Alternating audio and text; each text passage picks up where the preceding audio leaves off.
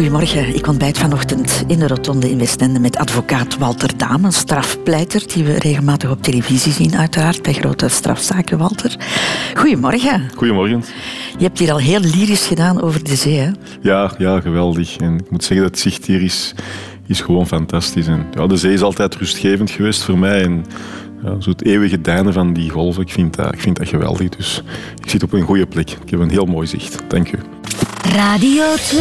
De Rotonde met Christel van Dijk. Walter Dame, als advocaat, als strafpleiter, uh, moet je dikwijls op zoek gaan naar de beweegredenen van iemand en waarom iemand een beslissing genomen heeft om te doen wat hij of zij gedaan heeft.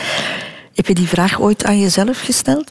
Dat is een, een, een, een vraag die mij constant bezighoudt. Ik, ik vind de invulling van, van een persoonlijk leven niet altijd even evident. En ik vraag me soms toch, toch heel bewust af van, bon, ben ik goed bezig? Is, is dit wel een juiste keuze? Uh, zou ik iets kunnen veranderen? Dus op dat punt ben ik nogal vrij nadenkend om te bekijken van, van hoe loopt het eigenlijk allemaal zoals het zou moeten lopen. En wat voor soort vragen stel je jezelf dan? Oh, de vragen van, van wat is de moeite in het leven? Is het echt wel de moeite om zo hoog geprofileerd bij manier van spreken door het leven te gaan. Zou het ook niet een pakje eenvoudiger kunnen doen? Is er voldoende vrije tijd om jezelf te ontwikkelen? Worden zeker geen karikatuur van jezelf door te veel met je werk bezig te zijn? Is er voldoende ruimte voor het gezin? Doe je genoeg met gezin? Verwaarloos je vrienden niet, je familie niet? Ik bekijk ook altijd van hoe wordt mijn kantoor niet te groot? Is er voldoende personeel? Is iedereen eigenlijk wel op zijn gemak? Zijn alle advocaten die bij mij werken, kunnen ze dat combineren met hun gezin? Kunnen ze dat thuis combineren? Voelen ze zich gelukkig? Ja. Walter, zoveel vragen. Ja, ja, ik vind dat heel belangrijk dat de mensen zich in mijn omgeving op hun gemak voelen. Je bent een bekend persoon, Walter. En bekende personen die hebben een Wikipedia-pagina. Maar jij hebt die nee. niet. Nee, gelukkig. gelukkig. Ik vond dat zeer vreemd. Ja, maar wie maakt een Wikipedia-pagina? Ik denk dat dat derde zijn. Oftewel maakt het over jezelf of vraag je het aan iemand om over jezelf te maken. Maar ook dat is eigenlijk een, een, een blijvende worsteling. Dat is zoiets dat mij nog altijd wat, afschrikt van ben ik nu een bekend persoon? Sommigen zeggen, ja, je bent een bekende Vlaming, maar ik wil het eigenlijk niet zijn. Uh, ben ik liever een interessant persoon bij manier van spreken of een, of een aangenaam persoon dan dat bekend. Dat geeft zo'n zekere connotatie rond uw leven van, van ja, dat is een beroemd iemand bij manier van spreken. En, en dat heb ik niet graag, want uw, bekendheid in geval van een strafpleiter ontstaat louter en alleen door de aard van de zaken die je. Door het feit dat je heel gruwelijke mensen bijstaat, worden plotseling bekender. Daar gaan we het straks ja. uiteraard uitgebreid over hebben, maar... Je krijgt toch een Wikipedia-pagina, ja, beste Walter. Han Koeken, Han Koeken heeft die voor jou gemaakt en ja. daar staat echt wel alles in wow. wat we over jou moeten weten. Walter Damen is geboren te Wilrijk op 5 september 1971. Samen met zijn tweelingzus Veerle was hij respectievelijk kind nummer 3 en 4 in het gezin Dame. En volgens zus Veerle was deze tweeling twee handen op één buik. Wij hebben nooit echt ruzie gemaakt. Wij voelden eigenlijk elkaar goed aan. Hij was altijd meer de deugeniet dan ik. Dus ik was eigenlijk altijd degene die hem meer beschermde. Van die intense vertrouwensband durfde deugniet Walter wel eens misbruik te maken, onthult Veerle met de glimlach. Hij heeft ook heel veel mijn zakgeld geleend, zonder eigenlijk dat automatisch terug te betalen. Want zelfs toen hij nog geen rechten studeerde, zelfs in de middelbare school, zei hij eigenlijk dat schulden haalbaar zijn. En als ik mijn geld terug wou krijgen, dan moest ik uh, er maar achter zitten. Walter was de rebel van de tweeling en ook van het gezin Dame. Dat kon je duidelijk ook merken aan zijn uiterlijk, weet oudere broer Peter. Dus hij had zich uh, de slordige Dr. Martins aangeschaft. Uh, met de t-shirt van Kamagurka erbij. En, en liep toen met, met lang los haar. Recalcitrante Walter was ook totaal niet materialistisch aangelegd. Zo herinnert jeugdvriend Mark Lotus zijn eerste auto nog levendig. Er kon ook blijven leven in de auto. Er vond je altijd wel van, van alle dingen niet. Er stond, er stond vol blutsen en krassen. En ook jeugdvriend Ronnie van Rillaar heeft nog persoonlijke herinneringen aan die auto. Als we een gallenbal hadden van de studentenclubs. Ja, Ronnie, ik heb geen smokinghemd. Een smokinghemd gegeven dat dat nooit terugkrijgen, totdat ik daar dus toevallig mijn smoking terug vond in zijn auto, onder het reservewiel zo, uh, daar ergens beland. Warge Walter kon zijn onhandige stoten gelukkig ruimschoots compenseren met zijn eindeloos enthousiasme, verzekert broer Peter. Uh, ik denk niet dat we met ons Walter uh, veel saaie momenten hebben beleefd eigenlijk. Hij was een, een plantrekker, redelijk slordig um, en zette graag de bloemetjes buiten. En in dat plan trekken was Walter weergaloos, weet zijn vriend Ronnie. Hij kon geen Frans, maar hij praatte wel Frans. Hè. Dus verbaal uh, zeer, zeer sterk. Ja. En als hij zich in de nesten werpte, kwam zijn verbale meesterschap wel eens van pas. Glimlacht broer Peter. Hij heeft het altijd wel, uh, wel weten regelen en, uh, en, en ervoor voor kunnen zorgen dat, dat de zaken eigenlijk goed verliepen. Zo zat mondige Walter ook niet om een antwoord verlegen toen vader Jozef hem vroeg waarom hij rechten wou gaan studeren. Hij sprak gedecideerd. Ja, dat is de enige richting waar geen minuut wiskunde wordt gegeven. En zo geschiedde. Slordige Walter trok zijn plan en studeerde zonder één minuut wiskunde rechten aan de UFSIA en de KU Leuven. En was daarna klaar om zijn cliënten op een meesterlijke verbale manier te verdedigen. En de rest is history. En zo komen wij het weten dat je een chaot bent. Ja, verschrikkelijk. Dat zou je toch niet zeggen als je jou ziet zitten? Goh, Nee, ik ben ook wel geordend, maar op een andere manier. Ik kan heel veel dingen combineren, maar ik moet mij altijd wel laten omringen door door mensen die mijn, mijn gebreken absoluut opvullen. En ik heb op dat punt Merlin Janssens, een fantastische office manager, die mij elke dag opjaagt, die de orde in de structuur enorm behoudt.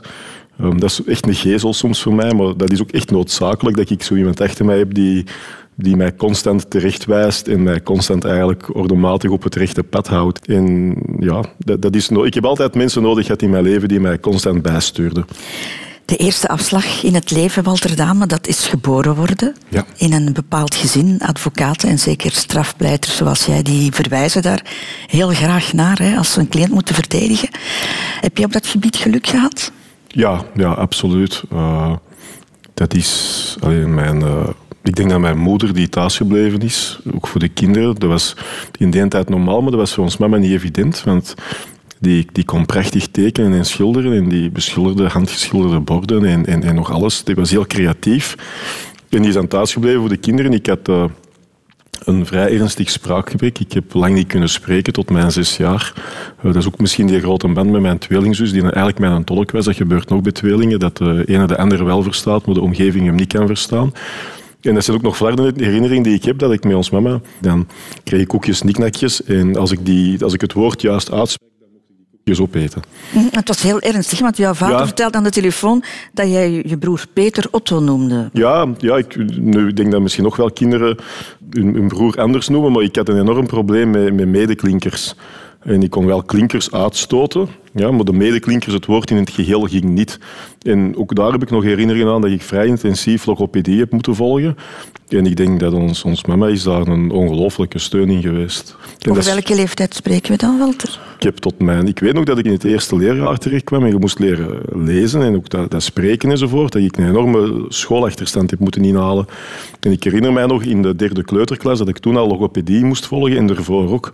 Dus dat heeft echt wel geduurd tot een... Uh, de eerste lagere school, waarbij dat je dan twee keuzes hebt. Oftewel, moest ik voorbestemd worden voor het gehandicaptenonderwijs, oftewel was er een gewoon logopedisch probleem of een spraakprobleem en moest dat worden opgelost. En gelukkig heeft mijn, mijn ouders toen voor de minst gemakkelijke weg gekozen, bij manier van spreken, en daar heel intensief en heel hard op, op ingezet. En ik heb dan de gelegenheid gehad om op die manier heel snel die leerachterstand te kunnen te kunnen inhalen. Maar daarvoor denk ik ook vaak professioneel, en ik zie het ook bij anderen, van als je als kind verkeerd geboren wordt en je hebt een, je hebt een ouderpaar dat er eigenlijk niet naar omziet, ja, dan had ik waarschijnlijk nu op, op een heel andere manier te werk gesteld geweest. En had ik daar misschien enorm gefrustreerd in geweest, omdat ik intellectueel misschien wel veel verder stond dan de rest, maar ik heb het nooit niet kunnen, kunnen doen. Dus dat zijn heel keuzes die voor kinderen worden gemaakt op heel jonge leeftijd, die achteraf ontzettend belangrijk voor zijn.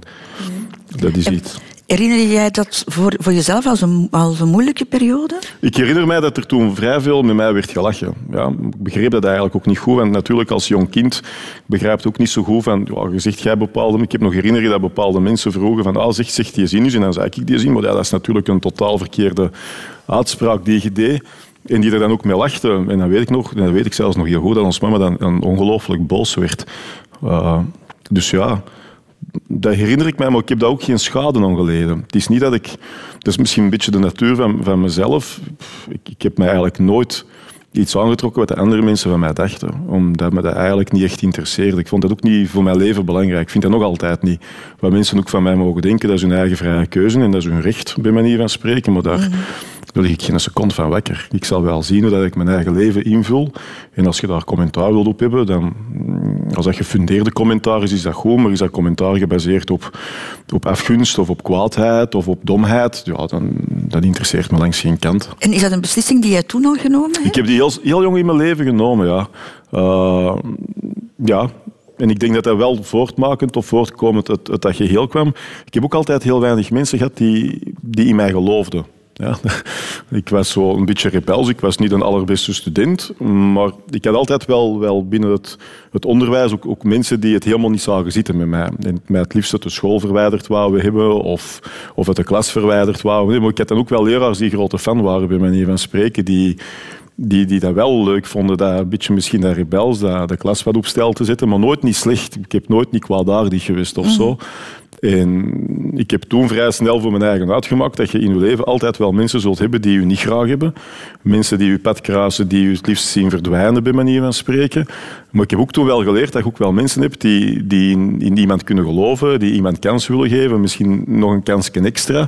En die blijven volhouden, omdat ze wel het, goede in iemand zien. En dat is eigenlijk een beetje mijn leidraad. Ik heb het ook enorm in mijn, mijn strafrechtgedachte, dat als ik een cliënt bij mij heb, dan denk ik altijd van hoe is hij zover gekomen of niet gekomen? En had hij misschien andere keuzes gemaakt, maar misschien had hij beter beïnvloed geweest. En, en vandaar dat ik ook zo heel gelukkig ben dat ik al mijn vrienden van mijn Majora nog heb en, van, van het begin van een UNIF. Ja, dat betekent ook dat je niet echt veranderd bent. En dat betekent ook dat je in staat zit om, diepgaande, zoals men dat zo mooi noemt, diepgaande authentieke relaties uh, te krijgen. Dus ik heb, ik heb die beslissing heel vroeg genomen in mijn leven van ik doe wat ik denk dat ik moet doen. Ik kan proberen om daar niemand schade mee te berokkenen. En als er mensen aan de zijlijn stonden te roepen dat ze dat allemaal verschrikkelijk vinden, degoutant en mij niet graag hebben, dat is hun probleem. Dat is niet mijn probleem. De Rotonde. Radio 2. Radio 2. We hebben het al gehad uh, daarnet over jouw toch iets of wat rebelse kantje, Walter Dame, ja. hè? op school vooral. Um, maar had jij het moeilijk mee op school?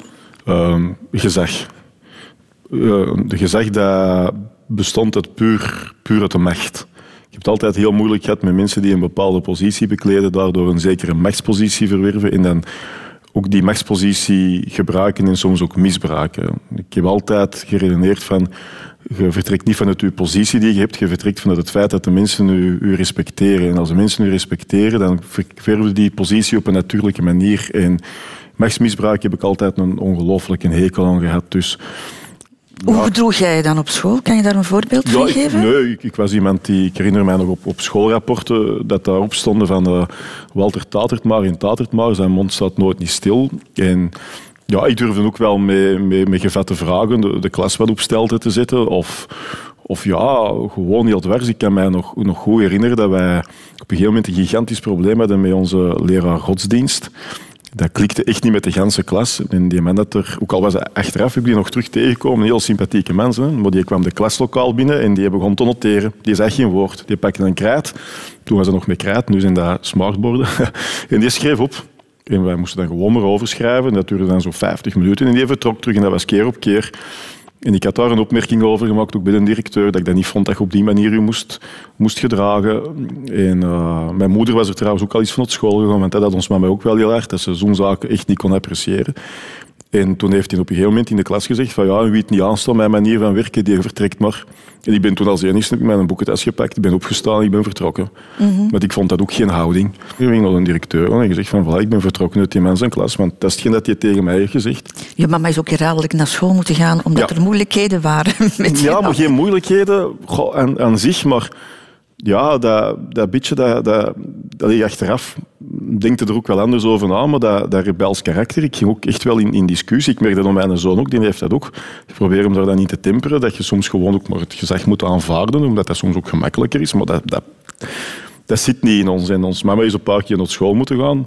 Ik was sowieso uh, drie dagen geschorst, omdat, en dat vond ik ook overdreven, ik, ik, je kon oftewel een hele lange weg naar buiten doen, via gangen, oftewel konden door een rammetje dat, dat kniehoogte was naar buiten stappen, en dat mocht niet. Ik had dat dan gedaan. En ja, ik heb dat misschien ook wat te opzichtig gedaan om een statement te maken dat ik dat dwaas vond dat je helemaal rond moest gaan als je ook zo naar buiten kon gaan. En ik werd toen drie dagen geschorst en ons mama was toen heel kwaad. Maar niet alleen op mij, maar ook op school. En zei, ja, zelfs als ze wat ziek zijn, dan vind ik dat ze naar school gaan, want ik vind dat hun plicht om naar school te gaan. En dan schorste mijn zoon voor drie dagen omdat hem zoiets doet, dat is niet evenredig, enzovoort, enzovoort. Is dan uiteindelijk geleid naar een halve dag. Ehm, ja, en, dat soort kleine ja, opstandjes zo van, van die onlogische zaken dat ik vond, daar kwam ik dan tegenin. En ook dat is niet altijd verstandig. Hè. Nu dat je ouder bent, denkt ook wel van ja, er zijn structuren in school, er zijn regels, want als natuurlijk iedereen door ramen en vensters naar buiten begint te gaan omdat hij dat gemakkelijker vindt, dat gaat ook niet. Maar ik heb het ook altijd wel aanvaard dat, dat men dat niet terecht vond. Ja, maar het is natuurlijk wel zo, als je geen grijze muis bent, zoals jij toch uh, was, dan, dan, ja, dan kom je ook makkelijk in het oog van de storm en dan moet je wel iets te vertellen hebben. Ja, ja absoluut. Uh, ik, heb, ik heb dikwijls in het oog van de storm gezeten, ook met mijn, met mijn goede vrienden op, als wij samen op reis gingen en zijn uit wat uitgangen. En dan was er altijd de ene die dat achteraf moest, moest gaan uitleggen bij een hoteleigenaar. En meestal lukte dat dan ook wel. Um, maar stond altijd wel... Ja, ik, heb, ik heb altijd heel mijn leven mensen tegengekomen die een bloedhekel aan mij hadden. Ik heb er ook altijd gehad die mij heel graag hadden en mij ook enorm steunden. En... Maar dat is natuurlijk altijd zo bij mensen die geen grijze muizen zijn. Ja. En dat heb jij toch heel je leven... Ja. Uh, heb jij dat vermeden of heb jij dat niet willen zijn? Bijvoorbeeld in je studententijd richt jij meteen een nieuwe overkoepelende studentenvereniging ja. op. En je bent uiteraard meteen prezes. Hè? Ja, ja, ik was in mijn tweede jaar prezes. Nu, ook dat was natuurlijk rebels. Ik studeerde in Antwerpen. We hadden daar de brouwerij De Koning, Antwerps bier. En ik kon me niet begrijpen dat alle studenten Leuvens bier dronken. En dat had niks met chauvinisme te maken, maar ik vond dat zo raar. Je hebt een heel goed bier in Antwerpen, waarom doen we er niks mee? We hebben een idee opgevat. We zijn toen ook naar de Koningbrouwerij gegaan, die daar laaiend enthousiast over waren. En wij hadden eigenlijk binnen de kortst mogelijke keren 3000 leden. We wel een trucje mee toegepast om snel dat ledenaantal te kunnen verkrijgen. En dat werd een geweldig succes op, op, op heel korte termijn. En is dat dan... Ik heb nooit bewust gekozen om niet de grijze maas te zijn. Ja, dat is geen keuze die ik heb gemaakt. Dat is iets dat u een stuk overkomt. En dat, dat overkomt u door, doordat je ideeën hebt en die ideeën ook graag wilt uitwerken. En ja, die studentenclub bestaat nog altijd, Prozitrex. We hebben een geweldige tijd gehad. We hebben ons eigen studentenlied gemaakt, onze eigen logo's ontworpen. En, en eerst werd er zo wat meewarig nog gekeken van, wie zijn dat? En dan, ja, natuurlijk, als je dan faven doet voor 1000, 3000 mensen, dat heb ik altijd gedaan. Ik heb toen ook de VZ2 stil opgericht met een aantal die nu ook schepen zijn en, en een aantal politici heeft voorgebracht, tegen het sluitingsuur om, uh, om twee uur in de Kempen. Of om één uur was dat, als ik me nog... De cafés bedoel De cafés die dicht moesten. En ik vond dat ook onaanvaardbaar. en dan zijn wij met een aantal gaan samenzitten en wij de VZ2 stil opgericht. En binnen de mogelijke keren stonden wij in alle discotheken met ons folders over verantwoord uitgaan. Hadden wij een eigen magazine stil uitgebracht. Ja, en, en, en dat liep. Het sluitingsuur is er ook niet gekomen. En ja, zo is dat eigenlijk altijd iets. Ik heb altijd met heel veel verschillende zaken bezig geweest.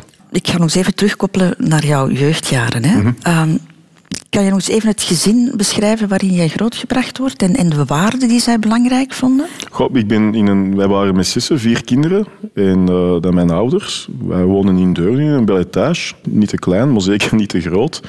Uh, ik had een zus die tien jaar ouder is en een broer die anderhalf jaar ouder is en dan mijn tweelingzus. Een heel groot uh, leeftijdsverschil. Ja. Op 17 maanden waren er plotseling drie kinderen. Ja, ja. Ik kan me dat niet voorstellen. Nee, jawel, ik kan mij dat... Vandaar ook het, het, het onnoemelijke respect voor mijn mama, die ja, dan in, met een tiener in huis tegelijkertijd. Dan met eentje van 18 maanden. Ja, en dan wou ze eigenlijk klaarblijkelijk nog geen kindje en dat werd dan een tweeling. ik, ik, ik, herinner mij heel veel warme en leuke momenten. Er werd bij ons thuis heel veel aandacht besteed aan, aan samen zijn, aan ja, op reis te gaan was ook altijd heel belangrijk elk jaar, om, om samen te ontbijten. Maar ons mama deed dan ook werkelijk alles. Hè. Die, onze, onze thee stond geroerd met twee klontjes. Onze boterhammetjes waren in stukjes gedaan. Ons mama wou ook niet dat de kinderen hielpen in het huishouden. Want zij vond dat niet de taak van een kind. En zij vond ook dat een kind niet verantwoordelijk was voor het feit dat we met zoveel waren. Dus eigenlijk op dat gebied zijn jullie verwend geweest? Wij zijn rot verwend geweest op dat gebied. Ons eten stond altijd klaar. Koekjes om vier uur tijdens examens. Tasjes thee als je thuis kwam. Elke dag werd er vers gekookt. Ons mama wou, toen als het bestond, de microgolf nooit niks in de microgolf opwarmen. Het enige dat we moesten doen was de zorgen dat er drank aan tafel was. En we zijn naar beneden naar de garage gaan om fles water of limonade te gaan halen.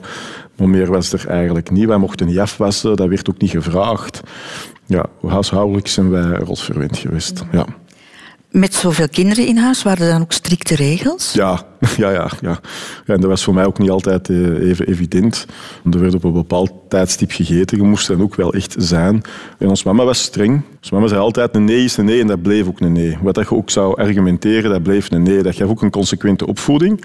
Soms denk ik van dat het misschien leuker geweest dat er enige soepelheid in, in, in was geweest. Maar dat was denk ik ook niet mogelijk, omdat je, ja, je zat jij met die kinderen en er viel niet over te negociëren. Er viel met ons mama eigenlijk niet te negociëren. Daar heb je dus niet geleerd, of wel? Ja. Wel, ons mama was uh, eigenlijk heel taalvaardig. Uh, was eigenlijk heel, dat was ook, zo een, ook een stukje product van haar opvoeding. Die is maar tot er 15 jaar naar school mogen gaan. Ook al had hij veel meer capaciteiten. In die tijd werd er dan ook gezegd, ja, dat zijn kinderen, dus de moeder blijft thuis. Uh, terwijl ons mama, denk ik, niet denk ik, weet ik, veel liever had gaan werken. Maar ze deed dat. En ze deed dat op een heel plichtsbewuste manier. Wel een zekere vorm van absolute gestrengheid vaak.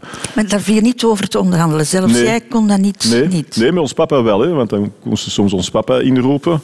Die dan ook enige pogingen deed. En er zijn wel eens afwijkingen toegestaan. Hè, maar de, de, de grote lijn van ons mama was heel consequent. Heel, je wist wat dat je had, punt. En daar liep jij wel in de pas? Nee, want ik denk, uh, ons mama heeft verschrikkelijk hard afgezien met mij. We gebruikten dan trucken van de voor. Ja, ik mocht dan s'avonds niet meer baten. En dan zei ik, jongen, nu de e-mails, dat bestond destijds niet. Dan zei ik, jongen, ik moet dringend nog een brief posten voor school. En dan vertrok ik. kwam ik drie uur later terug thuis. en ja, ik weet niet of ze dat nu grappig vond. Ik weet, ons mama vertelde later altijd nog van ja, je hebt zoveel kattenkwaad uitgestoken en ik moest dan kwaad zijn, want anders kon ik u niet in de, in de regel houden. Maar ze zei, eigenlijk moest ik er altijd wel om lachen. Ik moest altijd proberen om niet in de lach uit te schieten en kwaad te blijven, omdat ik dat ook wel heel grappig vond. En dat was die die klein beetje de mysterieuze verhouding met ons mama zo. Je wist dat ze streng was, maar je wist eigenlijk dat ze diep in haar hart dat ook niet graag was ja, je wist dat je dat ook nodig had, die strengheid. En tegelijkertijd had ook de comfortzone dat je moeder er altijd wel stond voor u. Als er een probleem was, dan dat was de, de, de leeuwin die op haar fiets sprong, want ons mama had ook geen rijbewijs. En dan deed ze alles voor u. En, en daar denk ik nu wel al vaak terug aan omdat ons mama dan overleden is, die een mysterieuze band tegen gebaseerd was op... Ja, ergens wist ik dat die gestrengheid nodig had. En ergens denk ik dat ik ook wel veel vreugde voor haar bracht, omdat ik zo ja, dat rebels, maar, niet stout. Ik was niet kwaadaardig. Ik heb geen mensen pijn gedaan. Ik heb geen kattenkwaad uitgestoken op een verkeerde manier. Wel, wel zoals dat vroeger dan ging, ging aanbellen bij de mensen, belletje trek, uh, telefoonspelletjes spelen, me niet onder regels houden, te laat thuis, je haar laten groeien, een andere kledijstijl, al dat soort zaken wel, maar dat was niet kwetsend. Mm. Als jij die wortels niet zou gehad hebben, Walter, van dat gezin, wat zou er dan van jou geworden zijn? Wel, dat is een vraag die ik me dikwijls heb gesteld. Ik denk, als ik in een verkeerd gezin had opgegroeid, dat het met mij, denk ik, behoorlijk fout gelopen. Want ik had misschien de grenzen wat blijven overschrijden. Ik had dat misschien echt wel met mensen tegengekomen die me echt niet graag hadden of, of op sleeptouw hadden kunnen nemen. Dus die zekerheid van dat gezin is, is, is altijd heel belangrijk geweest. Ja, ik vind dat nog altijd heel belangrijk. En die zekerheid van een moeder waar je wel altijd op kunt rekenen, ook al was ook wel heel streng voor mij vaak. Het is ook altijd niet zo super geweest. We hebben ook wel vaak zo die haat-liefde verhouding gehad, maar er was altijd die zekerheid. Ook van mijn vader. Mijn vader is een ontzettend rustige mens. Ons papa was misschien niet de meest ambitieuze, maar die werkte wel hard en die koos voor de structuur van de zekerheid. Radio 2. De Rotonde. Zijn er afslagen, Walter Dame, die jij niet genomen hebt en waar je nu spijt van hebt? Nee. Sport bijvoorbeeld, kan ik dat een mislukte afslag noemen? Goh, dat, dat, was, dat was, ja, dat misschien wel. Dat, dat was ook een beetje in, in de weliswaar een rigide structuur thuis. Ja, ik, ik, ik, deed atletiek, ik deed dat zeer graag. En je was ook goed, hè? Ja, ja, want ik herinner mij nog dat ik de, de, de scholencross had gewonnen van alle scholen in, in Deurne en Antwerpen, de 800 meter. En dan kreeg je zo'n foldertje van de atletiekclub of je niet wou komen trainen. En dan zijn natuurlijk vereerd. En ik deed dan atletiek en maar de gezinsstructuur liet het eigenlijk niet toe om meerdere keren per week te trainen. Dus ik trainde één à twee keer maximum. Uh, en ik, ik denk als ik daar wel de, de, aangepaste trainingsbegeleiding had gehad, dan... Ik heb altijd de, de 60, de 100, de 200 gedaan en een stuk 400 en een stuk 800. Dat waren mijn afstanden. Dan, dan had ik verder gerookt. Want mijn voornaamste concurrent toen, de Nathan Kahan, eh, die wel veel meer trainen. Deze vader was ook zijn trainer. Die is dan nog naar de Olympische Spelen gegaan. En mijn vader zei altijd al lachend van ja, als je toen meer had kunnen trainen, had je ook wel op de Olympische Spelen geraakt. En Zo, zo goed, ja? ja, ik weet dat niet of ik nu... Want misschien dat je dat ook voor jezelf allemaal wel verheerlijkt, maar met het beperkte aantal trainingen die ik deed, was ik toch altijd bij de, bij de top. Ja. Ik, heb, eh, ik heb ook in, in het buitenland eh, internationale wedstrijden gewonnen en zo op de 200 meter indoor. Dus ik, ik was goed. Ik liep de 100 in, in, in 11.2 zonder eigenlijk daar echt voor te trainen. Ik, ik liep mijn 200 in 23.4. je ik weet dat nog allemaal. Ja, dus ja, dat- ja, dat weet ik nog allemaal heel goed. De eerste keer dat ik dat moest invallen voor iemand, de 800 meter, want ik had dat ervoor nooit niet gedaan, ben ik in de eerste ronde doorgekomen. De eerste 400 meter, in, ik dacht dat het 54 seconden was. Dat was eigenlijk ongezien. Ik ging dan ook over Nathan Cahan, die de Belgische kampioen was. Maar dan kwam de man met een hamer. Ook die scène zal ik nooit vergeten. Na 650 meter was het echt afgelopen. Maar ja, je voelde wel dat je daar een zeker talent voor had. En dus als je dan toch spreekt over de gemiste afslag, is het, is het dat misschien wel, ja. Ja, maar sport blijft heel belangrijk in jouw leven. Hè? Want Ja. je hebt ook de beslissing genomen om eh, voor Beerschot Wilrijk, voor de voetbalclub, om, om je daarin te engageren. Je bent daar ondervoorzitter zelfs. Hè? Ja. Maar ook dat is een toevalligheid in het leven. Hè. Ik weet dat nog goed, de Dave Bulteel mij belde en zei ja, er is een bijeenkomst, Beerschot is failliet, ga er niet een keer mee. Ik ben daar toen ook naartoe gegaan met Fred Linders. En wij keken toen naar elkaar en we hebben toen een initiatief genomen, namelijk een een fandag te organiseren. En die fandag had dan ongelooflijk veel succes. Er waren meer dan 8000 supporters op afgekomen. En de gesprekken met Wilrijk waren dan begonnen. En dan voordat je het wist, zat ik in dat verhaal. En voor mij was dat zoiets, die, die voetbalclub aan zich. Eh, Als ze morgen zouden zeggen dat de kathedraal moet worden afgebroken in Antwerpen, dan zal ik er ook op de eerste rij gaan staan met te zeggen dat is onmogelijk. Ik zal alles proberen te organiseren dat dat niet zou kunnen. Tot me vastketen aan de kathedraal, bij manier van spreken. Ik had dat, hetzelfde met die voetbalclub, mag niet verdwijnen. Dat is traditie, dat is voor zoveel mensen zo belangrijk, dat mag niet weg. En Het was ook natuurlijk de, de, de club waar jij als kind ja, vanaf mijn zes jaar. Ja, ja. ja. ik weet nog dat ik als, als klein kind, dan mocht het 30, 40 graden buiten zijn. Ik droeg altijd mijn beerschotsjaal in.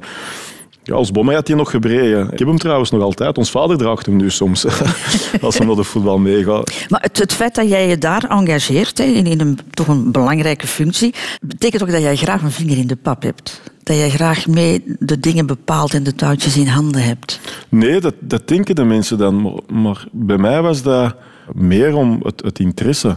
En dat begrijpen veel mensen niet, want dan oh, die perschijlen advocaat of dit of dat. Maar je komt dan in die systematiek terecht en men zegt dan, ja, je hebt al een beetje ervaring met dit of met dat. Bijvoorbeeld in dat voetbalgebeuren. Ja, kun jij niet het naar de buitenwereld toe brengen, omdat je dat ja, ook, ook wel een stuk voor opgeleid bent. En dan, ja, en dan voordat je het weet, zit je heel diep in dat verhaal in. ja, want ik heb aan mijn vader bijvoorbeeld moeten beloven en zweren dat ik nooit geen voorzitter van Beerschot zou worden. Maar op, op, op een of andere manier, als ik dan in zo'n structuur terechtkom, dan, dan aard ik daar ook wel in. Ook al heb ik daar ook heel grote vijanden. Hè. Ik bedoel, ja, ja, ja, ja, ja. Dat is de story- the story of your is De life. story of my life. Je hebt mensen die mij binnen dat geheel absoluut haten en, en mij een verschrikking vinden. Maar pff, ja, je hebt er ook heel veel die, die het geweldig vinden. En als je op de Beerschot komt, zijn er altijd veel mensen die je komen bedenken dat je dat zes jaar geleden mee hebt opgestart. En, en je hebt er voor sommigen dat je nooit niet goed kunt doen. Dus ja, dat is, dat is nu een keer wat het is. Nog heel even, hoe fanatiek ben jij als supporter? Ik, ik, ik ben fanatiek in die zin. Er, Kom aan, geef eens een voorbeeld. goh, voorbeelden. Zeg maar wat je gisteravond aan tafel verteld hebt, Walter. Wat heb ik nu weer verteld?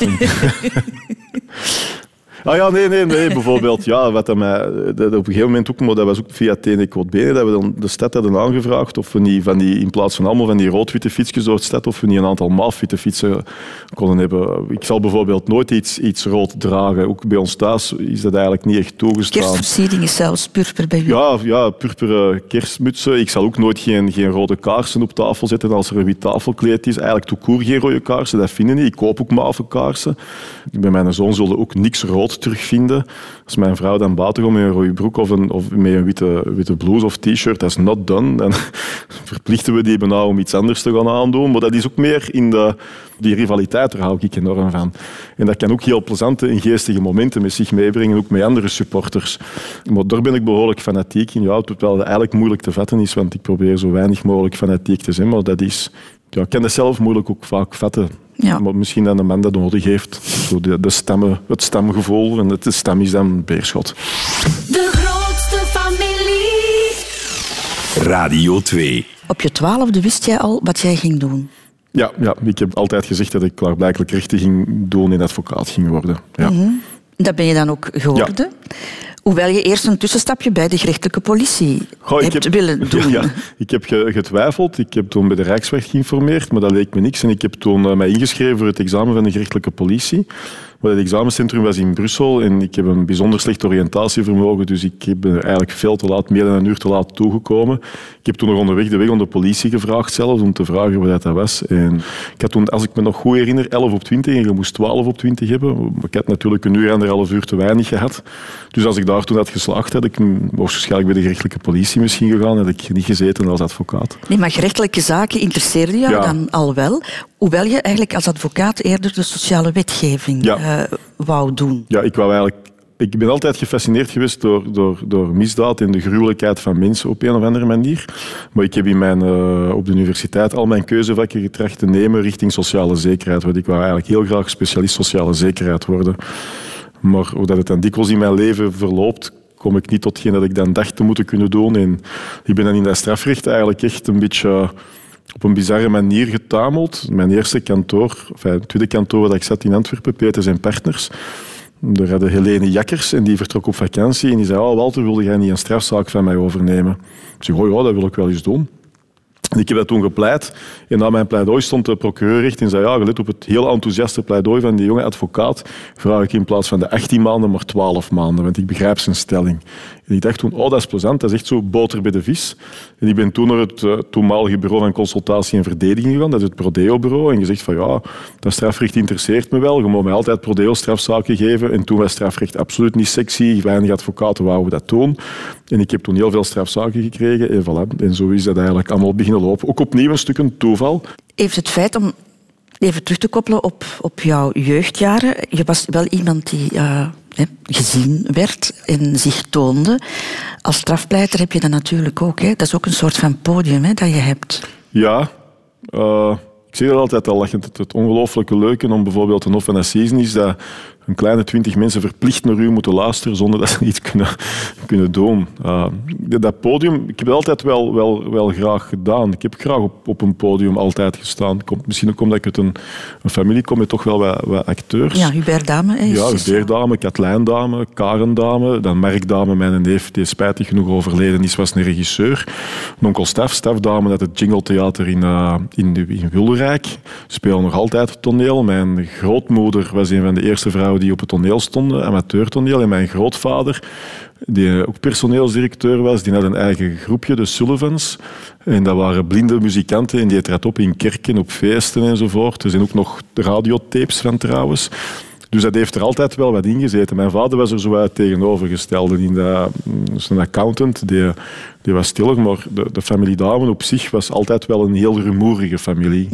en, en stonden denk ik ook wel graag wat in de belangstelling. En, en dat strafrecht. En, ja, en ook waarschijnlijk dan weer dat voetbalverhaal en dan die eigen studentenclub en dan die eigen VZ2 en die boeken die ik schrijf of meeschrijf. Ja, maar dat is niet dat je zegt van ik, ik, heb die belangstelling absoluut nodig om te functioneren. Dat is zoiets dat u overkomt en klaarblijkelijk ligt u dat dan ook wel en krijg je daar een vervolg aan. Heeft het feit dat jij op jonge leeftijd al gezegd hebt... het kan mij niet schelen wat mensen over mij denken. Ik volg mijn eigen parcours. Heeft dat ermee te maken dat jij een goede strafpleiter bent? Dat heeft er Jullie ongetwijfeld... worden wel onder vuur genomen, uiteraard. Hè? Ja, dat heeft er ongetwijfeld wel mee te maken dat ik, dat ik geen schrik heb om bepaalde zaken te doen of bepaalde zaken aan te nemen. Ja. Omdat, we kunnen het u ook allemaal heel gemakkelijk maken. Ja, ik had heel die, die, dat gebeuren rond IS kunnen weigeren. Ik had kunnen weigeren om bepaalde mensen die van terreur verdacht zijn, om die bij te staan. Ik had niet mijn nek moeten uitsteken richting die IS-kinderen. Dat had me allemaal veel comfortabeler, veel minder kritiek opgeleverd. Maar aan de andere kant zijn er ook wel heel veel mensen die dan wel bewondering hebben. En ik doe het niet voor die bewondering, maar appreciatie over het feit dat je dat blijft doen en dat blijft durven doen. En dat is au voor mij nog altijd de kerntaak van een advocaat. Namelijk voor mensen opkomen, wat dat ze ook hebben gedaan, mensen bijstaan, wat dat ze ook hebben gedaan, en ervoor te zorgen dat die mensen een eeuwige stem blijven behouden. En, en dat is mijn verwijt altijd een stukje geweest naar de advocatuur na Wereldoorlog 2. Dat als je die oorlogsprocessen naleest, dan merkte heel vaak dat advocaten niet meer durfden door de publieke druk. Louis de Linteker heeft daar nog een paar schoon boeken over geschreven. Mensen hadden schrik om, om, om nog op te komen voor die monsters die hadden gecollaboreerd. Of ze nu wel of niet hadden gecollaboreerd, dat deed er zelfs niet toe op sommige momenten. Maar de bevolkingsgedachtegang was zo tegen dat je niet meer durfde. En, en dat is iets waar ik mij altijd zal blijven tegen verzetten. Mhm. In een dubbel interview met jou van- een half jaar geleden, samen met Chris Luijks, de andere strafpleiter, zegt hij heel eh, oprecht, terreurverdachte stuur ik door naar Walter, want ik kan het niet rijmen met mijn geweten. Ja. Ja, fijn, dat is een, een visie. Hè. Mensen die honderden kilo's drugs binnenbrengen, mensen die andere mensen overvallen, doden, dat is wel bereikbaar of rijmbaar met het geweten van vele anderen. Ik maak daar geen onderscheid in. Ik vind, of je doet het of je doet het niet. Ja, dat is ook eh, bij mij thuis een van de, de grootste discussies geweest met mijn vrouw, die ook absoluut niet wou dat ik terreurverdachte bijstond. Toen destijds met Sharia voor Belgium was het ook, en Fouad Belkacem, en dan nu ook met IS gebeuren enzovoort. Maar ik heb toen tegen mijn echtgenoten ook gezegd van luister, ik ben advocaat en als ik dat soort zaken niet meer mag doen, omdat je vindt dat dat familiaal niet verantwoord is, dan stop ik ook met advocatuur. Zo Ja, dan, dan hoeft het voor mij ook niet. Als ik moet in de pas gaan lopen omdat het maatschappelijk aanvaardbaar is, wat dat ik doe als advocaat. En mijn enige taak als advocaat is, ik heb het al gezegd, is te zorgen dat mensen een eerlijk proces krijgen en zich verdedigd voelen en zijn. En als ik dat niet meer kan door publieke opinies of door afkeer van mensen, dan, dan moet ik ook niet aan de balie zijn, vind ik. Dan doe ik iets anders. Maar als ik dat niet meer mag, dan vervalt de kerntaak van de advocaat voor mij helemaal weg. Dan kun je een fulltime schrijver worden, Walter. Ja, ja, oh, Hé, zo want plezant. hé, Maar- misdaadromans doen het Ja. goed, hè? Hercule Poirot-prijs, de laatste. Ja, dat is natuurlijk het, het, het leuke. Hè. Ik bedoel, mensen zeggen hoe combineren dat allemaal. Maar natuurlijk, Hilde van der Meren is degene die de pen houdt. In het boek Rusteloos en ook in het boek Bodemloos dat er komt. Ik schrijf bepaalde passages bij. Wij wisselen heel veel van gedachten, van verhaallijnen, personages. Maar als ik niet iemand zou hebben, zoals een Hilde van der Meren, die dan toch de grootste deel van het werk op zich neemt, of het grootste deel sowieso, ja, dan wordt dat project ook niet gerealiseerd. Ik had dat nooit zelf kunnen realiseren. En, en nu kun je zoiets delen. En dan is dat een boek waar je dan de advocatuur centraal in plaatst. Ook de problemen een stuk van de advocaat, de problemen van een vrouw. En dan merk je dat zo'n boek als Rusteloos heel succesvol wordt. Dat die enorm goed verkocht wordt. En je krijgt dan heel veel berichten van mensen. Oh, we herkennen onszelf erin. En, en we hebben hem uitgelezen in die ruk omdat hem zo spannend was. En dan geeft mij dat een heel voldaan gevoel. De liefde, Walter Dame. Ja. Zullen we het daar eens over Ja. hebben? hè? Je bent opgegroeid in een gezin waar de ouders altijd zijn samengebleven. Hè? Ja. Vind jij dat een rijkdom? Ja, absoluut. Uh, mijn ouders, zoals bij mij overleed nu een paar maanden geleden, waren 58 jaar getrouwd. Uh, Zo'n ook hun ups en hun downs hebben gehad.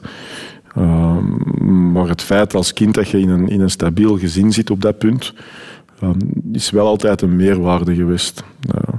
Mijn, mijn ouders, denk ik, dat in, in heel hun leven misschien, dat ze getrouwd waren, twee nachten apart hebben geslapen. Is het? Ja, ja, die gingen ook nooit niet alleen naar boven. Ik weet dat nog heel goed. Ik heb het ook verteld op de begrafenis van ons mama. Dat als ons mama ging dan eerst slapen en dan klikte ze drie keer of vier keer met het licht in de gang en dan wist ons papa, ah, het is tijd dat ik ook naar boven ga. En dan gingen die ook samen slapen. Die zaten ook samen bij elkaar in de zetel. Die, ja... Ik heb die warmte echt gevoeld. Ik heb die warmte echt gez- gezien en, en, en gevoeld. En ja, ik denk zoals ons papa ook, die, die op ons mama begrafenis fantastisch gewoon heeft, heeft gespeecht. Als je het woord speech mag gebruiken. Die eigenlijk zei, van 58 jaar later was ik nog altijd even verliefd op haar glimlach. En, en dat neem je als kind ook wel mee. Ja, wat dat niet wil zeggen dat kinderen die uit gescheiden ouders komen, soms is dat ook een veel betere oplossing. Ook daar moet je natuurlijk een beetje geluk mee hebben, dat het leven brengt wat je denkt te moeten hebben. Maar voor mij was dat, ja, dat is heel mooi. Ook de manier dat ons papa voor ons mama heeft gezorgd als ze dan ja, dementerend was, in een home zat en ook nog de ziekte van Parkinson. Met een dementie die altijd maar erger en erger werd. Elke dag ging hem er naartoe, soms twee keer per dag. Niet altijd even gemakkelijk. Maar hij deed dat. En hij deed dat niet omdat het zijn taak was. Hij deed dat eigenlijk om, omdat hem er nog echt wel van hield. Dat was heel duidelijk zichtbaar. Ja, en hij vond dat ook altijd geweldig, want hij zei dan van ja, ik ben hier. En, was soms wel ruzie tussen mama en papa daar, omdat ja, en, uh, maar als er niemand van de kinderen binnenkwam, dan, dan, je zag dat ook, dan fleurde ons mama helemaal op. En dat was ook een heel raar contact, omdat mama is altijd wel wat streng en harder geweest, maar dan zo in die laatste jaren hadden er veel meer persoonlijk contact als ik er ging bezoeken in een home. En ik heb dat toch getracht heel veel te doen. Dan nam ik ook weer handvast en dan zaten wij zo een uur hand in hand. Wat dat eigenlijk als kind bevreemdend was. Niet dat wij nooit niet hand in hand vroeger hebben gezeten, maar dan zit je daar met je moeder van achteraan de 70, hand in hand. En dan zie je die genieten van dat puur klein menselijk contact. En dan tijd wel was hij ons vertellen en die verhalen waren, die zinnen niet samenhangend, maar zat daar plezier in. En, en, en zat daar heel veel genot van. En ik zelf ook. Dat was zo een moment zo. Ja. En, en daar ben ik heel blij voor dat ik dat heel vaak nog heb kunnen doen op het einde. En dat is ook zo een van die keuzes. Zo van, je moet zorgen in je leven dat je, je werk is van belang, maar ook andere zaken zijn van belang. Je moet zorgen dat je je niet verdrinkt in een van die aspecten dat alles overheersend wordt. En ik heb altijd gezocht naar evenwicht, ook familiaal, werkgebonden, met vrienden. En, en, en daar denk ik dat ik min of meer wel wat, wat in geslaagd ben. Dat is ook liefde, de liefde voor een moeder. Maar Ja. eh, we zullen het nog over de romantische liefde Ja. hebben, Walter. Eh, je hebt een mooi voorbeeld gehad. Waren jouw verwachtingen dan zelf ook groot op dat gebied? Ja, maar, iedereen, denk ik, bij ons thuis had, die, die grote verwachtingen. Voor sommigen is het niet uitgedraaid wat ze van, van hadden, maar je hebt natuurlijk wel uw, voorbeeld van ouders die iets voor elkaar over hebben. En bij ons thuis werd er ook niet, niet ongelooflijk veel ruzie tussen de ouders gemaakt. Integendeel, heel weinig zelfs. En ja, je probeert dat mee te nemen. Dus, dus ja, je, ver- je verwacht dan ook wel iets. We doen ook heel veel echtscheidingen. En dan zie ik koppels ruzies te maken en verwijten maken. En dan denk ik, maar allee, 10 of 20 of 15 jaar geleden stonden die samen aan het altaar elkaar eeuwige trouw te beloven. Eeuwige liefde. Ja, die kindjes zijn geboren, die kinderen liggen dan in beide armen. En dan denk ik, is dat dan allemaal zo stuk geslagen nu? Zo, is dat dan de vergissing van uw leven geweest? Of Maar haat en liefde, fout haat en gelopen? liefde ligt heel dicht bij elkaar, Ja. hè, Walter? Dat weet ik, maar daar denk ik dat je als mens wel je aandeel in hebt. Want je kunt natuurlijk haat toelaten, maar je moet dat ook niet toelaten. Je kunt ook haat zelf produceren en uitstralen, maar je moet dat ook niet. Heb jij dat nooit gehad op, op het gebied van liefde? Want je hebt toch een aantal relaties Nee, gehad? ik heb eigenlijk heel weinig langdurig. Ik heb eigenlijk maar met, in mijn studententijd een vijfjarige relatie gehad. En dan eh, met mijn echtgenote nu. Maar voor de rest heb ik nooit... Dat zijn eigenlijk mijn twee enigste echte langdurige relaties geweest. Dus het woord womanizer, wat ik daarnet gebruikte, hè, voor negen uur, dat is dus... Ja, ik heb in mijn vrijgezellenperiode me, me wel heel goed geamuseerd. Eh, dat zal ik ook niet verhullen, maar ja, ik heb bijvoorbeeld met mijn, mijn ex-lief, om het dan zo uit te drukken, nog altijd een goed contact. We zijn er onlangs nog gaan eten. De kinderen kennen elkaar. De, ja, mijn vrouw kent haar goed. Ik ken haar een echtgenoot goed. Ik vind dat ook heel, heel, heel voornaam. Die is vijf jaar heel belangrijk geweest in mijn leven. Die heeft mij ook door mijn studies geholpen, omdat hij iemand was die dat heel serieus deed, die heel plichtsbewust was. Weer iemand die jou onder, onder Ja. haar vleugels nam. Ja, alweer. eigenlijk wel. Ja. Ja. En, en, en op die manier dacht ik toen ook van, oh, want ik heb toen altijd ook wel geworsteld, moeten wel studeren om het te kunnen maken in het leven. Kan ik ook niet zelfstandig worden, maar zij deed dat dan wel en heel ernstig en ik wou dan ook niet achterblijven. Ah, mijn tweelingzus was een heel goede student, mijn broer was een heel goede student. En ik van, pff, ik zal dat dan toch ook maar doen. En, en ik zeg dat nog altijd vaak, van, misschien had ik nooit mijn rechtenstudies afgemaakt als zij niet die vijf jaar in mijn leven had geweest. Maar vandaar dat ik ook het leven zoiets vind van een aaneensluiting van ongelooflijk veel toevalligheden. Ja. En, en één ding probeer ik in mijn leven niet toe te laten, dat is haat. Ja, ruzie. Ik hou niet van ruzie. Ik, ik, ik haat ruzie, omdat als ik dan één ding haat in het leven, is het ruzie. Ik vind dat niet, niet leuk. Uh, ik heb uh, heel veel mensen die ik al, al, al heel lang ken. En ja, dat is ook gezinsmatig. Mijn, mijn, mijn echtgenote, Alexa, heeft me dan ook weer naar een ander niveau getild. Dat is ook iemand die, die heel plichtsbewust is, die, ja, die dan andere zaken deed die ik niet deed. Die was heel cultureel aangelegd. Ik was ook wel wat cultureel, maar niet zoals zij. Ik heb dan ook geprobeerd een aantal zaken ervan op te pikken. Ja, en zo probeer ik eigenlijk in mijn omgeving altijd zo een beetje af te kijken. Ik steel heel veel met mijn ogen zo. En, en, en, en zo valt het eigenlijk allemaal altijd wel mooi in elkaar. Zo. Ja, ook met mijn vrouw, wij maken eigenlijk nooit geen ruzie. Behalve dan over sharia voor Belgium. wij proberen ook nog de kinderen daar heel constant in te zijn. Zullen we het over kinderen zo meteen hebben? Ja. De Rotonde. Radio 2. Radio 2. Walter Dame, je hebt twee kinderen. Hè? Was dat een stap die van in het begin duidelijk was, dat je die zou nemen? Ja, ik wou eigenlijk initieel altijd vijf zonen. Daar ben ik een beetje van afgeweken. Vijf zonen? Vijf zonen, dat lijkt mij zoiets heel romantisch zo. Maar nee, ik heb een, ik heb een, een, een zoon van nu bijna 16. Ik heb een dochter van 12. En, en ik ben daar bij- bijzonder gelukkig mee. Dat zijn ook twee uitersten. Eh, Mijn zoon is eigenlijk een kloon van mezelf en mijn dochter is een kloon van mijn vrouw. Trekken ook fysiek echt wel op, op elkaar. Allee, dus mijn zoon op mij, mijn dochter op mijn echtgenote. En ook totaal verschillende karakters. Maken ook nooit geen ruzie onder elkaar. Kunnen ongelooflijk goed spelen. Mijn zoon is een, een enorme fantast met heel veel fantasie. Onze Alexander, Clarice is dan zo een, een meer ernstig iemand, maar dan Alexander is een geboren entertainer. Clarice is dan weer het geboren publiek. En die vullen elkaar heel schoon aan op dat punt. En dat is echt een plezier om te zien. Dus jij komt jezelf eigenlijk opnieuw Ja, tegen. constant. Met mijn zoon constant. Ja. En ook met mijn dochter voor een stuk. Want dat is een beetje misschien de verborgen kant. Dat ik dan toch ook heb, die ernst. Maar ja, je, je komt u met je kinderen onophoudelijk tegen. En, en, en, en dat vind ik eigenlijk ook wel heel leuk. Omdat dat ook altijd u laat herinneren over hoe dat je eventueel waart. En ook hoe dat het eventueel fout kan lopen. En op welke manier dat je daar best mee kunt omgaan. En Ga je er anders mee om met hem dan, dan jouw moeder in de tijd? Ja, enkel wel de, de gestrengheid hanteer ik op een aantal zaken ook manifest. Ja, en- Omdat het nodig is. ja, omdat ik één dat nodig vind, omdat ik twee ook heel belangrijk vind dat een kind consequent en gestructureerd in die zin wordt opgevoed. Een nee is een nee. Ik heb wel vanaf het begin gemaakt, als ik iets strafte, dan konden ze daarmee goed gedrag die straf verminderen. Ja, dat was ook een heel duidelijke afspraak. Dat is de straf, maar als je je goed gedraagt, dan ben ik ook wel bereid om die straf te milderen. Past een beetje in mijn strafrechtelijke gedachte van met goed gedrag kun je straf ook verminderen. En ik vond dat ook een heel belangrijk signaal dat ik gaf om te laten zien, je kunt fouten maken, maar als je straf herpakt, dan heeft dat ook een impact op, op, op de fout die je hebt gemaakt. En dan gaan de mensen ook zeggen van ja, je kunt een misstap doen, je kunt een fout maken, maar je hebt, doordat dat fout was en je hebt daaraan gewerkt, dus dan vind ik ook dat je niet mordicus aan een bepaalde sanctie moet, moet blijven vasthouden. En wij praten ook heel veel met de kinderen. Dat was bij ons thuis ook. Als wij op vrijdag van school terugkwamen, was het altijd een groot aperitiefmoment. En dan zat iedereen met elkaar te babbelen. Ook op zondagochtend werd er over politiek gesproken, werd er samen naar de radio geluisterd, naar een bepaald programma toon, Zwart-Wit van Jurgen Verstrepen. Uh, en dan werd er ook onder elkaar gediscussieerd en, en gebabbeld. Ik kom het zo en gezien dat er heel veel gebabbeld en gediscussieerd werd en ik probeer dat thuis ook te doen. Hoe, hoe belangrijk zijn die kinderen voor het evenwicht in, in jouw hoofd? Totaal. Dat is, dat is eh, heel belangrijk. Ja, want je bent wat chaotisch, hè? je bent Ja. met, met heel veel gedachtegangen. Ja. En, en, en Maar dat is, dat is ja, ik, ik, allee, ik- dat heb ik ook gestolen, die uitspraak van iemand. Maar ik geniet van, ik ben blij dat ik elke seconde getuige kan zijn van die leven. En ik ben blij om te zien dat dat leven vooruit gaat. Ik ben ook blij om te zien dat dat leven niet altijd evident is. Dat die ook hun problemen moeten overwinnen. Maar ik ben ook blij dat ze dat doen. En ik ben ook heel blij als ouder dat we daar volledig achter staan. En dat we ook, eh, als een, als een kind probleem op school heeft, dan, dan, dan ontmoet je Leeuwin, mijn vrouw, en Leo Walter.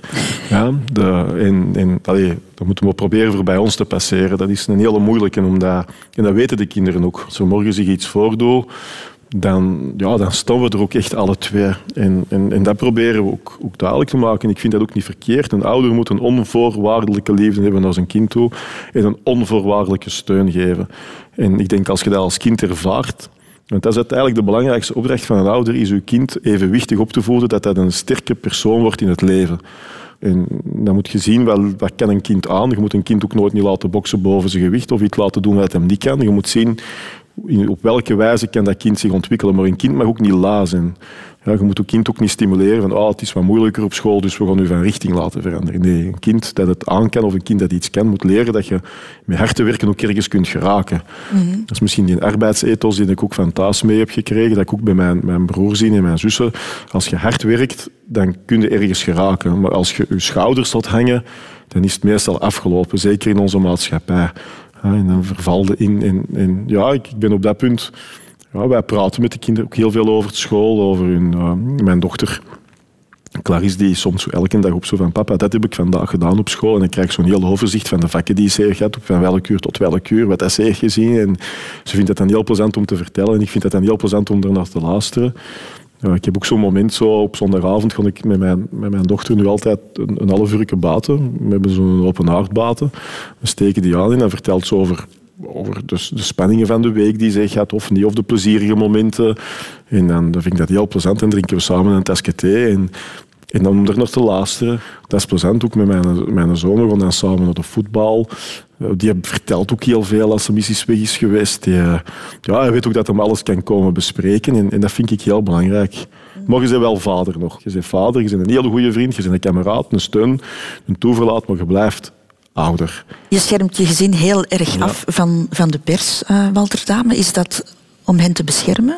Ja. Omwille van jouw functie ook en, en de zaken die jij pleit? Goh, ja, voor een stuk wel nu. Goh, ik heb ooit eens een keer met een, met een magistraat erover gehad en die vader was minister. En die zei, oh, ik vond dat zo verschrikkelijk, want overal waar ik kwam moest ik mij gedragen en ik mocht dit niet en dat niet.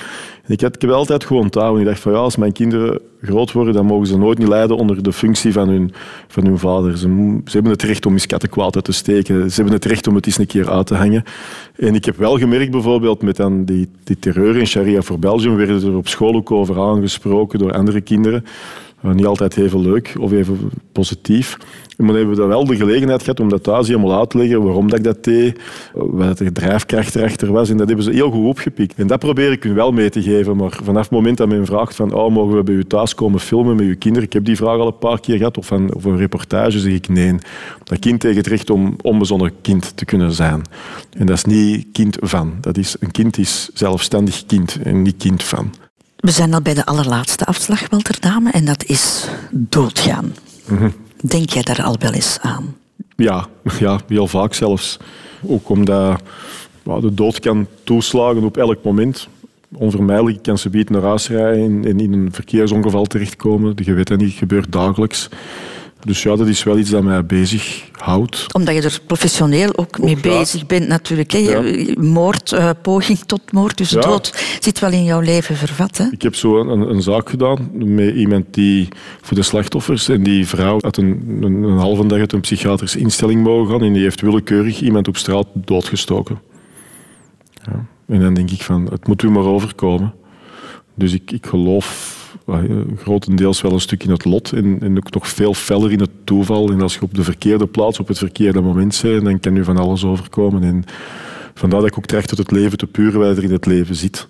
En zo weinig mogelijk zaken uit te stellen naar een later tijdstip, want dan komt het misschien niet meer. En misschien dat dat ook de reden is dat ik met zoveel zaken bezig ben. Bij het leven hoort ook afscheid nemen, Walter. We hebben het daar net al even over gehad. Jouw, jouw moeder is eh, onlangs gestorven. Ja, klopt. Is dat een afscheid geworden waar je troost aan hebt overgehouden? Ja, ergens wel. Eh, omdat... Ja, je zag dat natuurlijk ergens wel aankomen.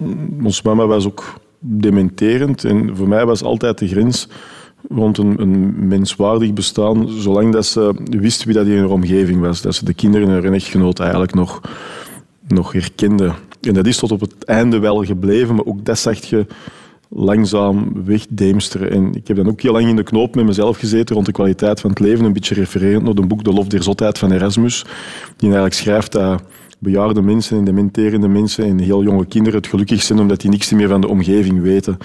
En ik heb heel lang geworsteld met de levensvraag van wat is de kwaliteit van mijn mama haar leven nog? En eigenlijk ook over, kan ik wel oordelen over die kwaliteit van het leven?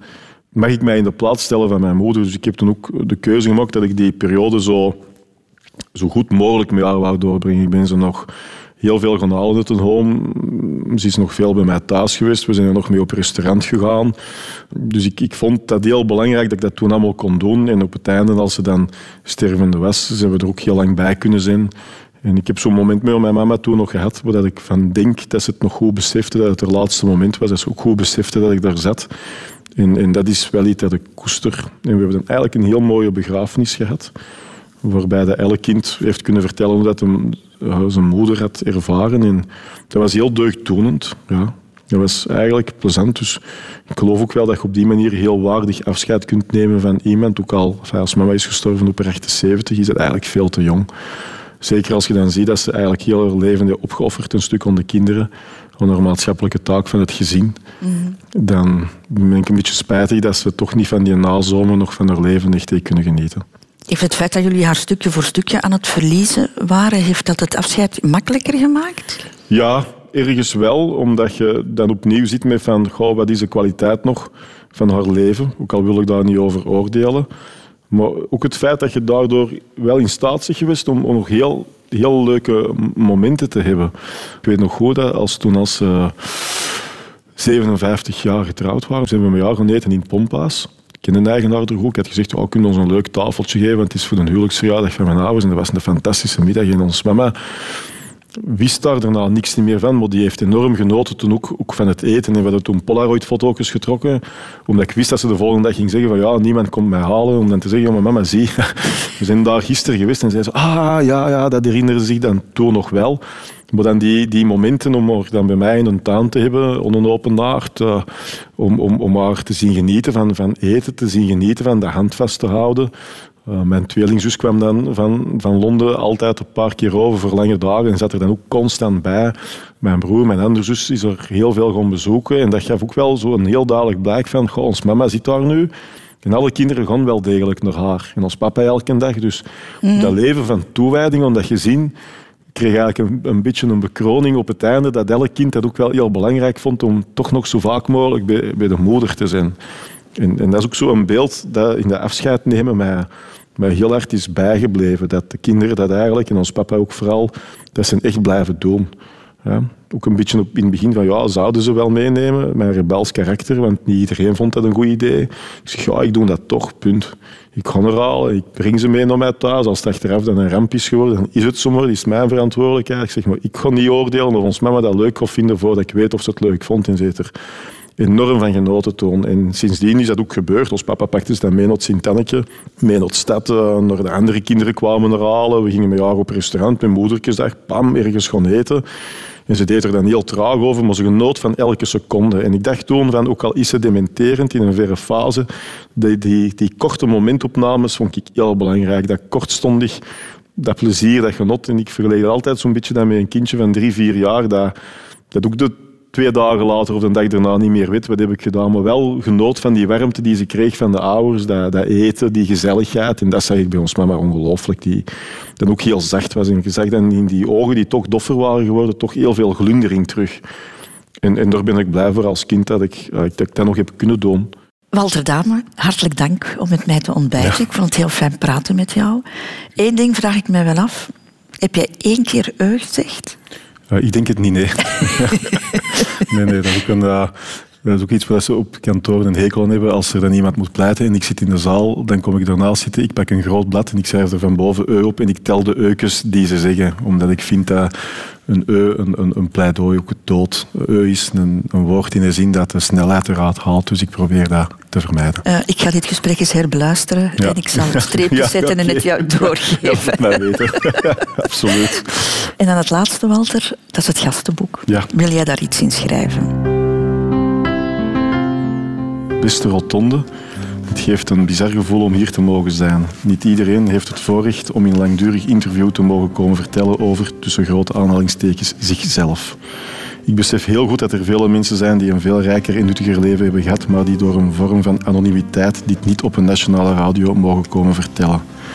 Ik probeer altijd te benadrukken dat elk leven evenveel waard is en dat iedereen zijn verhaal even belangrijk en interessant is. Bedankt aan iedereen om het te laten vertellen. Ik hoop dat het wat meer inzicht heeft gegeven in een niet altijd evident leven. Het leven is immers niet evident, het moet geleefd worden in al zijn facetten. Walter.